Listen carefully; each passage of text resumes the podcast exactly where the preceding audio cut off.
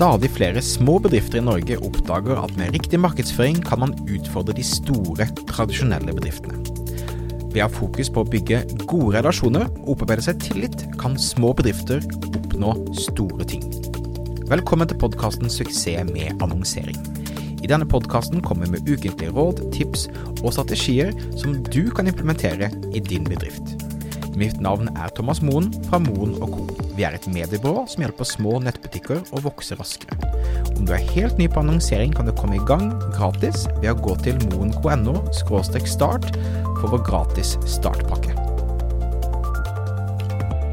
I august meldte vi at Meta driver på å eksperimentere internt med å bruke AI for å lage annonser for oss som annonsører. Og nå, tidlig oktober 2023, melder Meta at de nå begynner å rulle ut AI-verktøy for annonsører. Det er noe som kommer til å rulles ut gradvis, og de melder også at det vil være tilgjengelig globalt først tidlig 2024. Så de ruller dette gradvis ut, så håper de at alle vil ha mottatt dette i løpet av 2024. Så det er altså generative AU-funksjoner, dvs. Si å lage ting som ikke var der fra før av. Blant de som Meta nevner, er da generering av forskjellige bakgrunner til produktbilder basert på målgrupper. Det vil si at de lager faktisk bilder til deg på de typisk hvite bakgrunnene av produktbilder du har.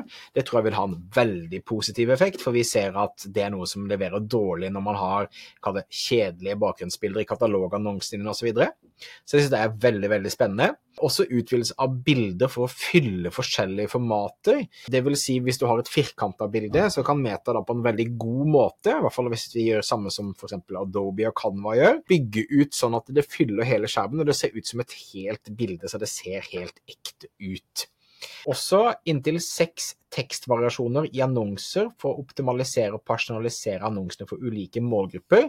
Det vil si litt som jeg kunne gjort med vanlige tekstbokser, altså teksten over annonsene, vil du nå kunne også inkludere da tekst inne i bildene og teste forskjellige versjoner av bakgrunnsbilder, tekster osv.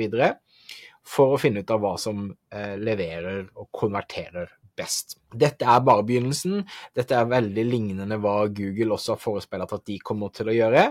Jeg tror at i løpet av ett til to år så er dette standard i alle annonseplattformene, og det vil gjøre det veldig mye enklere for oss som annonsører å lage annonser, teste forskjellige variasjoner av annonser og sørge for at du har en høyest mulig avkastning per annonsekrone.